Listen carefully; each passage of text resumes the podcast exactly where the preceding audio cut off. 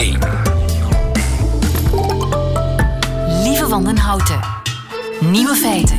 Dag, dit is de Nieuwe Feiten podcast van maandag 17 juni 2019. In het nieuws vandaag dat de gerenommeerde Londense meubelmaker Michael Northcroft geen stof meer mag vegen met zijn bezem. Niet in zijn atelier en ook niet in zijn winkel, want dat is slecht voor de gezondheid. De meubelmaker, waar Adèle overigens en ook Theresa May klant zijn, kreeg een brief van de gezondheidsautoriteit waarin hij wordt aangemaand om tegen een aangegeven datum een industriële stofzuiger van ruim 2000 euro te kopen. Northcroft, intussen 63, pijnst er niet over. Hij veegt al 40 jaar de vloer en gaat dat blijven doen. Misschien wordt het beter na de brexit.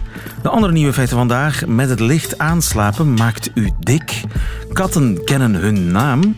De Nederlandse koning wordt vandaag ridder van de kousenband. En Alex Visorek ziet naar aanleiding van het WK vrouwenvoetbal veel seksisme op de Franse televisie. De nieuwe feiten van Christophe van der Goor hoort u in zijn middagjournaal. Veel plezier. Radio 1. Nieuwe feiten. Vrouwen die slapen met een lichtje aan, die blijken vaker zwaarlijvig. Goedemiddag, Roelof Hut.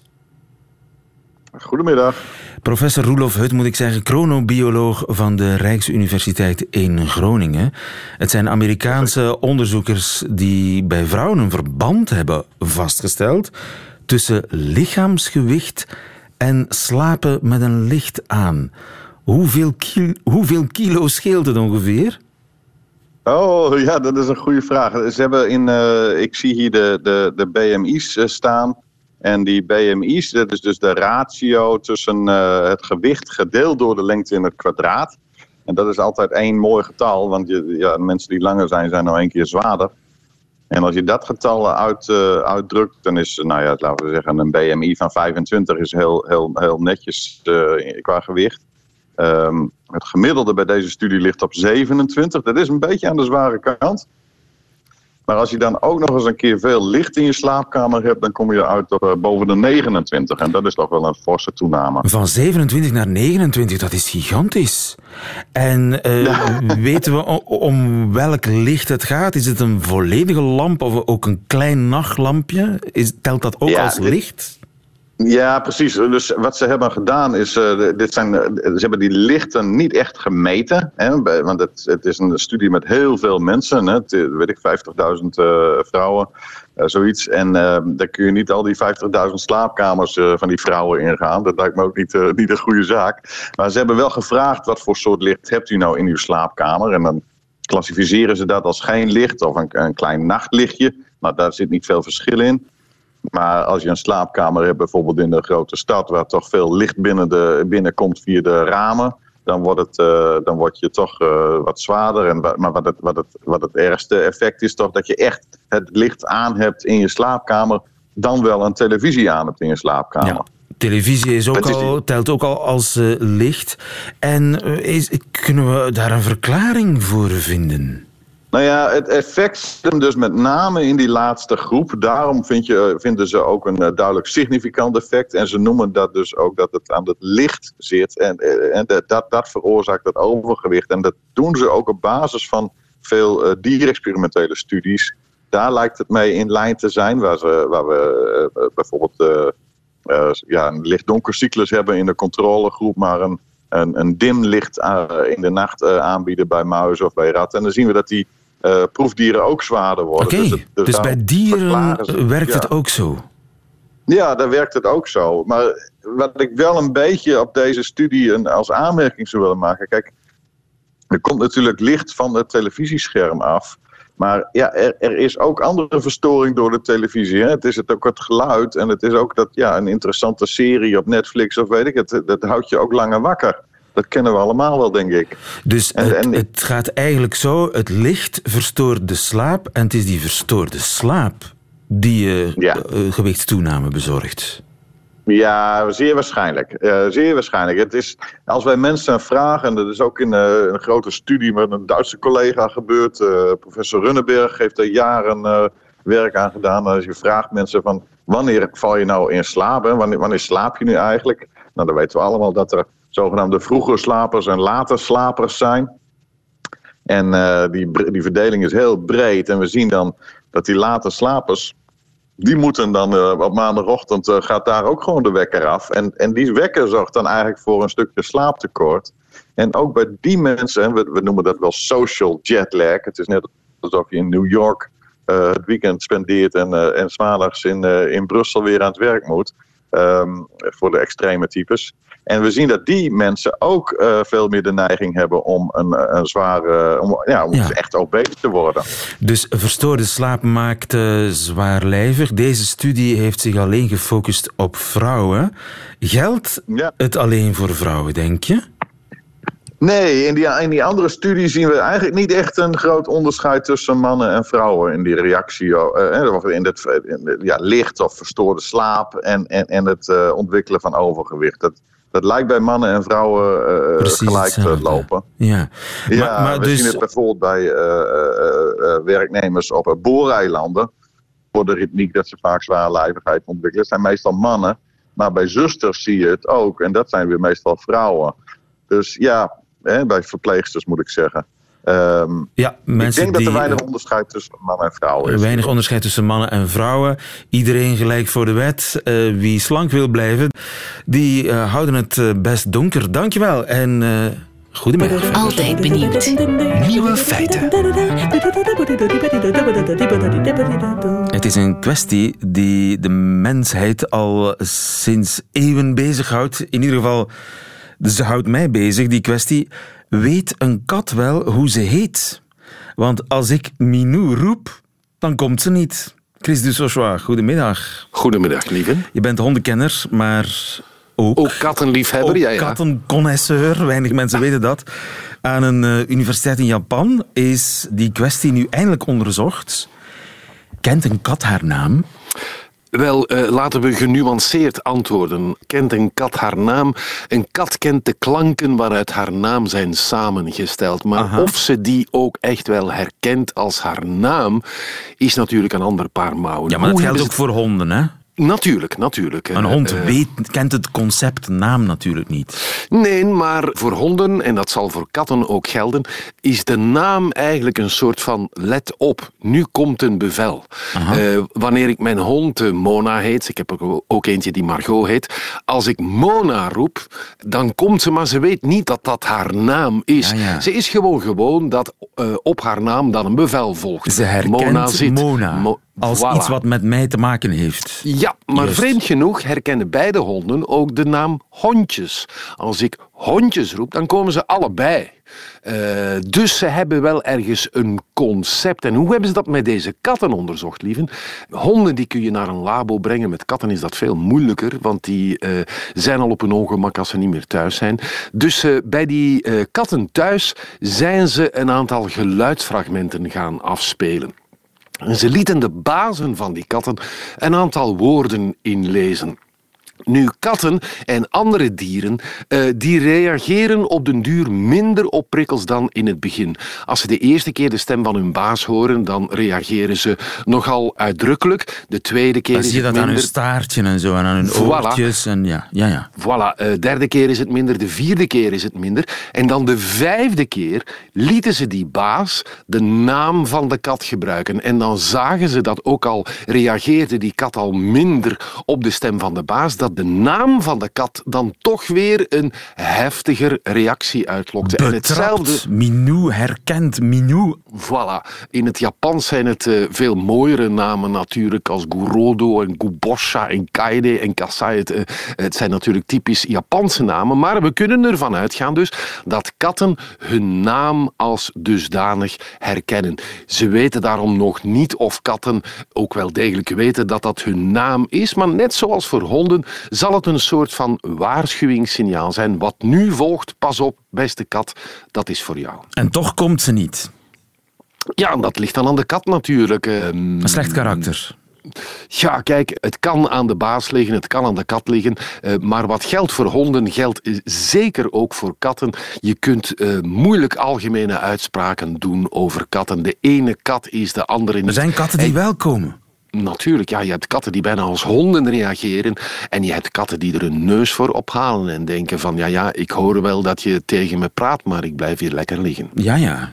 En want katten zijn nu eenmaal minder mensgericht. Tja, kijk, dat wordt uh, overal herhaald. De domesticatie van de kat is nog niet volbracht. Maar de vraag die je dan kunt stellen is: uh, uh, wie is daarvoor verantwoordelijk? Is dat de schuld van de kat? Of is dat bijvoorbeeld de mens die de moeite niet doet om wat hij of zij allemaal doet voor een hond, om dat te herhalen bij een kat? Kijk, honden trainen we op allerhande bevelen. We belonen die ook. Met katten doen we dat veel minder, omdat we denken het loont de moeite niet. Ja, en omgekeerd loont het de moeite ook niet voor die kat om te komen natuurlijk, hè? Wel, dat hangt ervan af. Uh, als de kat denkt, uh, uh, telkens als ik kom krijg ik een snoepje en dat snoepje vind ik zeer aangenaam, dan zal die kat wellicht blijven komen. Maar je hebt ook katten die denken van ja, als ik daar kom dan krijg ik een knuffel en die knuffels, ja, die kunnen terug op. ja. Maar in ieder geval, het is officieel, een kat herkent haar naam. Voilà. Dankjewel Chris Dussochois, goedemiddag. Alsjeblieft. Nieuwe feiten. Coucou de France. Met Alex Visorek. Het is weer maandag en dan uh, nemen wij de temperatuur op in een uh, volgens mij zonnig Parijs. Uh, samen met mijn landgenoot en Radio France collega Alex Visorek. Goedemiddag Alex. Ja, goedemiddag lieve. Heel zonnig Parijs, zodat u het zegt. En deze week staat sport in de kijker in Frankrijk. En niet om even welke sport, vrouwenvoetbal. Het ah, ja, WK vrouwenvoetbal vindt... Ja, momenteel plaats in Frankrijk, zonder België. Spijtig. Het is een enorm succes. De eerste wedstrijd van de vrouwelijke Franse ploeg, Les Bleus, Les met een E, oui. voilà, heeft een record gebroken qua aantal kijkcijfers. 11 miljoen mensen hebben ernaar gekeken op tv. Om te vergelijken, een match van de mannen verzamelt ruim 13 miljoen Fransen. Vrouwenvoetbal is dus bijna even populair als mannenvoetbal. Wow. En dat had de tv-zender TF1 niet gepland. Een bewijs daarvan is dat ze hun reclamentarief verhoogd hebben met 60% na de eerste match. Een reclame voor nieuwe feiten bijvoorbeeld. Op halftime van hun eerste match zou jullie 70.000 euro kosten. Dezelfde spot nu 116.000 euro. Wie spreekt van succes in voetbal, spreekt direct over geld. Goed nieuws dat vrouwenvoetbal op de eerste pagina's van kranten te zien is. En het is ook een mooi bewijs dat met dezelfde media-aandacht als mannen het vrouwenvoetbal ook hun publiek krijgt. Ze kunnen heel wat Franse meisjes inspireren. Want vrouwenvoetbal is eigenlijk een moeilijkere sport. Want je moet niet alleen tegen de tegenstander vechten, maar ook tegen seksisme. Aha. Vrouwenvoetbal bestaat al meer dan 100 jaar, maar het heeft het altijd moeilijk gehad. Hier in een originele fragment uit een reportage van 1955, toen de speelster terug naar de kleedkamer gingen. Et puis, tout compte fait, pourquoi ne pas rentrer à la maison faire le ménage Oké. Waarom niet naar huis gaan om het huishouden te doen? 1955. Ja, het, ja, het is lang geleden. Dus wat dachten mensen van vrouwenvoetbal in 2014? Il y, a- il y a des sports vraiment qui sont plus adaptés aux, aux femmes. Mais non Euh, c'est faux. Quoi, par exemple Bah, La vaisselle, par exemple. Voilà. Wow. La vaisselle, hetzelfde. De, me- eh, al de la vaisselle, de vaat, is een, eh, een sport die meer geschikt is voor vrouwen. Negen, wat was het? 2014? Ja, dat Jeetje. heb ik niet gezegd. Hè, Ja. Ook al deed een televisiezender de moeite. In eh, 1970 maakte de openbare Franse televisie een reportage over vrouwenvoetbal met heel pertinente vragen. Le football, c'est bon pour la silhouette, pour une femme Vous savez, moi je fais beaucoup de sport, hein, le football et les autres sports c'est pareil. Is voetbal goed om een mooi figuur te krijgen? Ja, dat Pertinente had je vraag. niet aan Paul van Imst gevraagd. In 2019 is het eigenlijk helemaal niet beter. De rechtse filosoof Alain Finkielkraut zorgde een paar weken geleden voor heel wat ophef met een bijzondere verklaring. C'est très bien que les femmes jouent. Avec condescendance. Mais je le prends pas avec condescendance. Mais si, je mais ça ne me passionne pas. C'est pas, c'est pas comme ça que j'ai envie de voir Mais des femmes. sont... Ja, ik kijk er niet op neer, maar het passioneert me niet. C'est pas comme ça que j'ai envie de voir des femmes. Ik wil die vrouwen zo niet zien. Jeetje. Inderdaad, eh, ja, een voorbeeld dat een intellectueel niet altijd zo slim is. En spijtig genoeg is hij niet alleen. Seksisme blijft heel aanwezig in het voetbal. Dat hebben we vorig jaar al kunnen horen. De Franse sportcommentator Denis Balbier legde uit waarom hij tegen vrouwelijke voetbalcommentatoren was. Je suis contre pourquoi Parce qu'une femme, elle pourra jamais euh, avoir un, un timbre de voix ou, euh, je sais pas, dans une action de folie, elle pourra jamais avoir, elle va monter dans les aigus. Ja, een vrouwelijke commentator zou te veel gillen. Voor dit WK vrouwenvoetbal hebben ook de sponsors hun best gedaan. Eh, er is heel wat kritiek op bijvoorbeeld roze hamburgers. Ofwel het feit dat reclamesport meer over waarden dan ontspanning gaan. En andere reclames vragen ook hulp van mannelijke voetballers. Bijvoorbeeld Neymar, die selfies maakt met nog niet zo bekende speelsters. Maar een probleem is dat Neymar beschuldigd is van verkrachting. En dat heeft zeker een van de meest seksiste fragmenten op Franse televisie opgeleverd. Hier hebben de Franse commentators verleden week het over de vrouw die Neymar beschuldigt. Putain, tu fais venir une nana du Brésil. Putain, Non, je bah, attends, euh, c'est- effectivement, c'est très con. Ouais, je m'attendais à ce que ce soit la moyen, ouais, ouais. avion de chasse intersidéral. quoi. C'est de la- T'es c'est- vachement déçu. C'est de la deuxième division, ça. Non, Ah les gars, eh, euh, franchement, franchement, le mec, il peut, ça- avoir, il peut avoir tout ce qu'il veut. euh, Il a pris une Ligue 2. Ja, was eigenlijk te lelijk Voilà, om te verkrachten. Ja, dat, dat is eh, wat ze zeggen. Ehm, ze hebben één week niet meer op eh, televisie kunnen spreken en eh, vandaag zijn ze terug zonder commentaar. Maar swat, voetbal en vrouwen blijft voor veel journalisten een moeilijke relatie. En daarom is dat succes zeker belangrijk. En als meer overwinning van Les Bleus kunnen helpen om die seksiste fouten te stoppen, dan ben ik toch een supporter van de Franse voetbalploeg. Ik ook. Dankjewel, Alex Vizorek. Goedemiddag. Tot volgende week. Goedemiddag. Nieuwe feiten. Ja, een beetje pump and circumstance, want vanmiddag krijgt koning Willem-Alexander van Nederland een kousenband omgespt. Hij treedt zo toe tot de hoogste ridderorde van de UK, de Orde van de Kousenband. Harry de Pape, goedemiddag. Goedemiddag. Onze favoriete anglofiel. Die kousenband die gaat toch rond de kuit, dacht ik, hè? Ja, klopt. De, op het linkerbeen. Op het Ja, linkerbeen. Ja. En die kousenband is bedoeld uh, opdat de kous niet afzakken. Ja, ja, ja. ja. Er uh, zijn, zijn twee verhalen rond. Het is 14e eeuw, een 14e eeuws gebruik. Het ontstaan van de orde van de kousenband is een beetje discussie rond. Het 1348 of 1344 zijn detaildiscussies. Maar het verhaal gaat de ronde dat op een koninklijke bal van uh, Edward III, die toen koning was, dat de gravin van Salisbury haar kousenband, de kousenband verloor.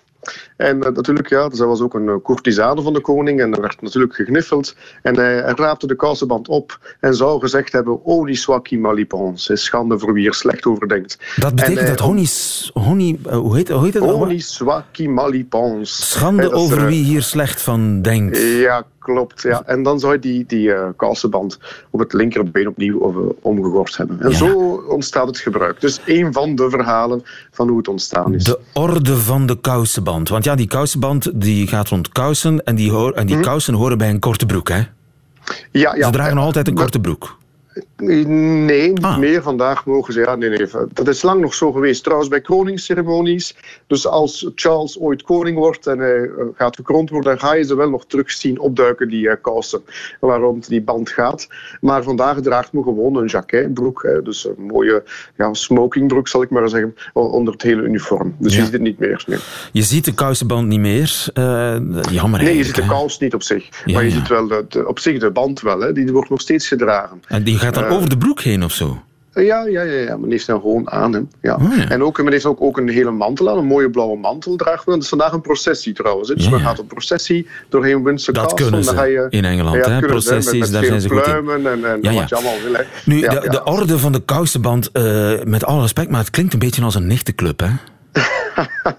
Het was niet de bedoeling, voor alle duidelijkheid. De bedoeling was letterlijk, dat waren ridders eh, aan het hof. Eh, Edward III was nogal gefascineerd door eh, koning Arthur. En hij zag zichzelf als een nieuwe koning Arthur die ja, een ronde tafel wilde oprichten. En dat was dan de orde van de kousenband. En dat waren wel, wel degelijk doorwinterde ridders. Want trouwens, het blauw dat die vandaag dragen, als je de beelden zal zien vandaag, dat mooie blauw is, verwijst naar Frankrijk. Dus het Franse blauw. En daarmee tonen ze hun overwinningen op Frankrijk. Dus het is niet zomaar een nichtenclub. Het is ook een beetje spotten met de Fransen nog steeds. Spotten met de Fransen nog steeds. Het is een, een hoge ridderorde. Het is misschien de Ja. ridderorde der ridderordes. Ja, nog- het is nog steeds de oudst bestaande ter wereld. Hè.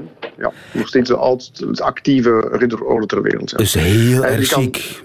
Ja, ja, ja. eh, je hebt dus ook de kapel in Windsor Castle, waar alles plaatsvindt. Ja, we spreken van een kapel. eh, ik denk dat de parochiekerk van mijn gemeente nog kleiner is dan die kapel. Maar goed, ik bedoel dat een kapel. Als je daar binnen gaat, dan hangen al die vlaggen daar ook uit van de leden van de, van de Orde van de Kousenband. En je kan de heraldische tekens, ja, je kan dat terugdateren tot in de, tot in de 14e eeuw, hangen er nog emblemen, eh, originele emblemen op van de, van de leden van de Orde van de Kousenband. Ja, het kan niet heel Britser eigenlijk, hè? maar wa- Nee, wat doet een, een, een Nederlandse koning tussen die kousenbanden? Dat is een, een oude traditie. De Oranjes eh, er zijn al 400 jaar Oranjes die lid zijn van de Orde van de Kousenband. Je hebt ook een, ooit een Oranje koning gehad hè, in, in, het Verenigd Koninkrijk. eh, King William III, King Billy was zijn bijnaam. Hij was een King Oranje. Billy. Ja, en die... die eh, trouwens, als je naar Nederland eh, op vakantie gaat, en je gaat in de buurt van Apeldoorn, het paleis van Apeldoorn, daar was zijn paleis en daar hangt hij in vol ornaat met zijn uniform van het Orde van de Kousenband. eh, In, in Nederland zeer mooi om te zien. Ja, dus Eh, dat is dus een, hij- oude, een oude band Ja, ja. eigenlijk tussen eh, de Oranjes en het eh, eh, Koningshuis in Londen. Wie, Ja. wie zit daar nog allemaal bij? Voor de rest toch alleen maar Engelsen? Nee? Nee, nee, nee. nee. Ah, ja. je, hebt, je hebt dus op zich de Knights Companion. Dus op, wat, wat is de regel? Je hebt de vorst en je hebt de kroonprins, zijn sowieso standaard lid. En dan heb je normaal gezien 24 andere leden. Dat gaat dan over oud-premiers, dat gaat dan over oud-directeurs van de Bank of England enzovoort. Opmerkelijk, oud-premiers, de laatste oud-premier die er nu nog bij is, is John Major. Tony Blair is er niet Daarna bij. is gestopt. Daarna is gestopt. En heeft te maken met de figuur van Tony Blair. Die nogal gevoelig lag in de Britse, eh, ja, Britse wereld. En, en, en ook eh, omdat hij niet benoemd werd tot eh, lid van de de Kousenband na zijn premierschap, gaat men er ook vanuit dat Gordon Brown, zijn opvolger, en diens opvolger eh, David Cameron ook niet zal gevraagd worden, omdat anders het Koninklijk Huis te partijdig zou lijken. Ah, ja. Maar, en Margaret ja, Thatcher, is die ridder van de kousenband? Die was er ja, tot aan, maar het is tot aan John Majors en alle oud-premiers Ah, ja, lid geweest. Ja, ja, ja. Ehm, dus na die, naast die 24 Engelse ridders, zal ik maar zeggen, heb je ook nog Royal ehm, Knights and Ladies. Dan prinsen en prinses van een koninklijk huis. En dan heb je nog de Stranger Knights and Ladies. En dat zijn dan vaak buitenlandse staatshoofden. Zoals de Nederlandse Oranjes. Eh, koning Boudewijn was ook ooit lid van de Orde van de Kousenband. Het verbaast En mij hij is de. Ja, hij was ook de laatste trouwens. En dat heeft vooral te maken met dat er nooit geen staatsbezoek is geweest van eh, de Britse vorstin bij Albert II en omgekeerd. En ook nooit naar koning Philip en omgekeerd. En vandaar dat ze nog niet uitgenodigd geweest zijn om lid te worden van de Orde van de Kousenband. Ja. Kan het nog Engelser? De orde van de kousenband. de Nederlandse koning krijgt er vandaag eentje omgegord rond zijn Ja. kuit. Harry de Pape, dankjewel. Goedemiddag. Graag gedaan. Nieuwe feiten. Middagjournaal. Goedemiddag. Het was een mooi decor gisteren in Beringen voor de poorten van de vroegere steenkoolmijn. De site is inmiddels nu 30 jaar na de sluiting van de mijn omgetoverd tot B-Mine. Met een tot avonturenberg omgevormde terril, een mountainbikeparcours, een duiktoren, enfin, noem maar op. Ik mocht er vertoeven in het gezelschap van de vandaag jarige ex-veldrijder Sven Nijs om commentaar te geven bij onze nationale wielerronde. De mensen waren erg vriendelijk en vroegen om na afloop nog iets te blijven drinken. Sorry, zei ik, de plicht roept. De mannen van Metallica wachten in het Boudewijnstadion. Mijn relatie met James, Kirk en Lars gaat terug tot begin jaren 90, toen ze de Black Album uitbrachten. Dankzij Nothing Else Matters werd de metalband bekend bij het grote publiek. En ik zat toen op kot, groeide op met onder meer Hallo Houtekiet, noemen en heten, weet u nog, met de grunge muziek en de zwarte cd van Metallica. Voor een mondeling examen volgde dan altijd hetzelfde ritueel. Ik klapte de cursus dicht, waste mijn haren in de gootsteen van mijn kot, telde hoeveel haren er nu weer waren uitgevallen en gebruikte Metallica om me op te peppen, klaar voor de slag met de professor. En of het nu aan Enter Sandman lag of Wherever I May Roam of aan het feit dat ik gewoon veel had geblokt, het is nooit fout afgelopen. In 1993 was het dan zover. Op de weide van Torhout beleefden we een geweldige dag met een geweldige affiche. Dat bestond toen nog. Met onder meer The Black Crowes, Fate No More, Neil Young, Booker T and the MG's, Lenny Kravitz en Metallica. Hoe het is kunnen gebeuren, weet ik vandaag nog altijd niet, maar mijn toenmalig lief vond het maar niks en wilde na drie nummers pokkenherrie naar huis. Ik volgde gedwee. Die relatie is niet blijven duren. De muziek die Metallica na die zwarte iconische plaat uitbracht, boeide me iets minder, toegegeven. Het contact verwaterde. De frustratie en vooral de boosheid op mezelf om toen op die prachtige afhellende weide van Torhout weg te lopen na drie nummers, hebben me twintig jaar lang parten gespeeld. Metallica werd some kind of monster. Ze gingen zelf in therapie door interne ruzies en alcoholmisbruik. De machine die ze draaiende moesten houden was te groot geworden. Maar ze kwamen terug, ook naar België. En ja, nu grijp ik kans na kans. Sportpaleis, Boudewijnstadion, we zijn erbij. Ja, we weten wat komt, welke hits zullen volgen.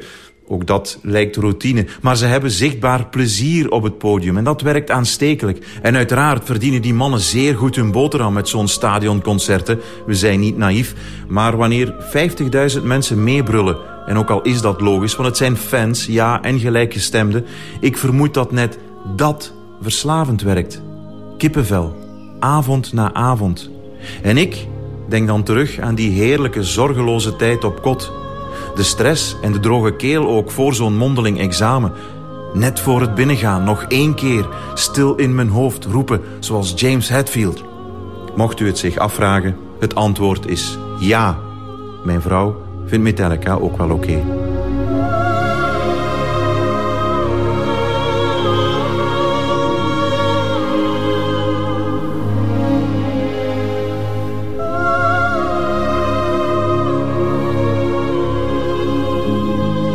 De coming out van Christophe van der Goor als Metallica-fan. Einde van deze podcast, maar u vindt er nog veel meer op radio1.be en op de podcastkanalen. En hoort u liever de volledige uitzending met de muziek erbij, dan kunt u terecht op de app van Radio 1. Tot de volgende keer.